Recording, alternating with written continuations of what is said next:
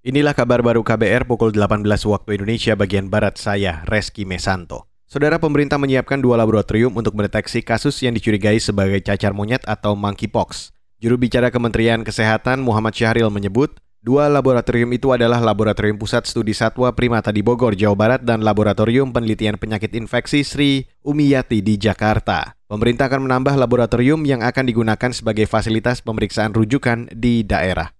Atas persetujuan Menteri Kesehatan, kita akan menambah sekitar 9 atau 10 lagi center-center laboratorium yang akan kita tempatkan di beberapa daerah yang strategis untuk memberikan percepatan-percepatan itu dan WHO akan membantu reagen-reagen untuk pemeriksaan sequencing tersebut.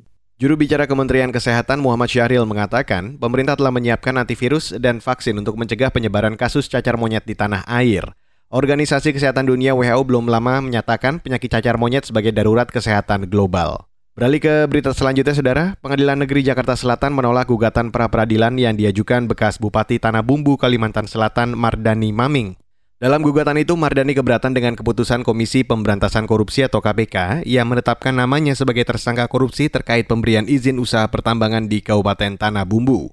Hakim Tunggal di Pengadilan Jakarta Selatan, Hendra Utama Sotardodo mengatakan, Kesimpulan gugatan atau petitum yang diajukan Mardani Maming tidak jelas dan kabur. Menurut Hakim, keberatan Mardani yang menganggap kasus ini merupakan transaksi bisnis dan bukan tindak pidana korupsi sudah masuk ke dalam pokok perkara yang harus diperiksa oleh Pengadilan Tindak Pidana Korupsi.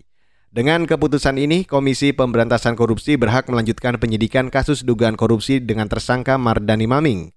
Sidang gugatan pra peradilan digelar tanpa kehadiran Mardani saat ini Mardani sudah masuk dalam daftar buronan atau daftar pencarian orang atau DPO Komisi Pemberantasan Korupsi.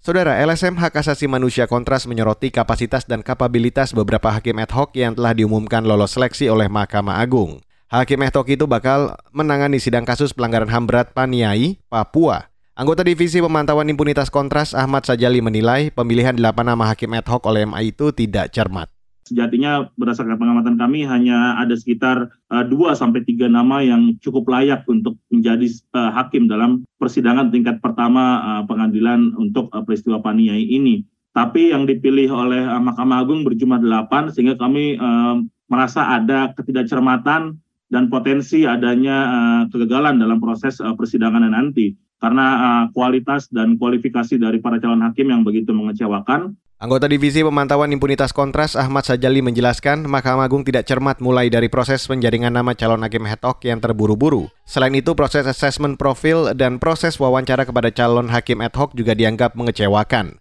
Kontras menyebut mayoritas calon hakim tidak bisa menjawab pasal-pasal mengenai pelanggaran HAM berat. Sidang kasus pelanggaran HAM berat Paniai Papua rencananya digelar di Makassar pada Agustus mendatang. Dan saudara, demikian kabar baru saya Reski Mesanto.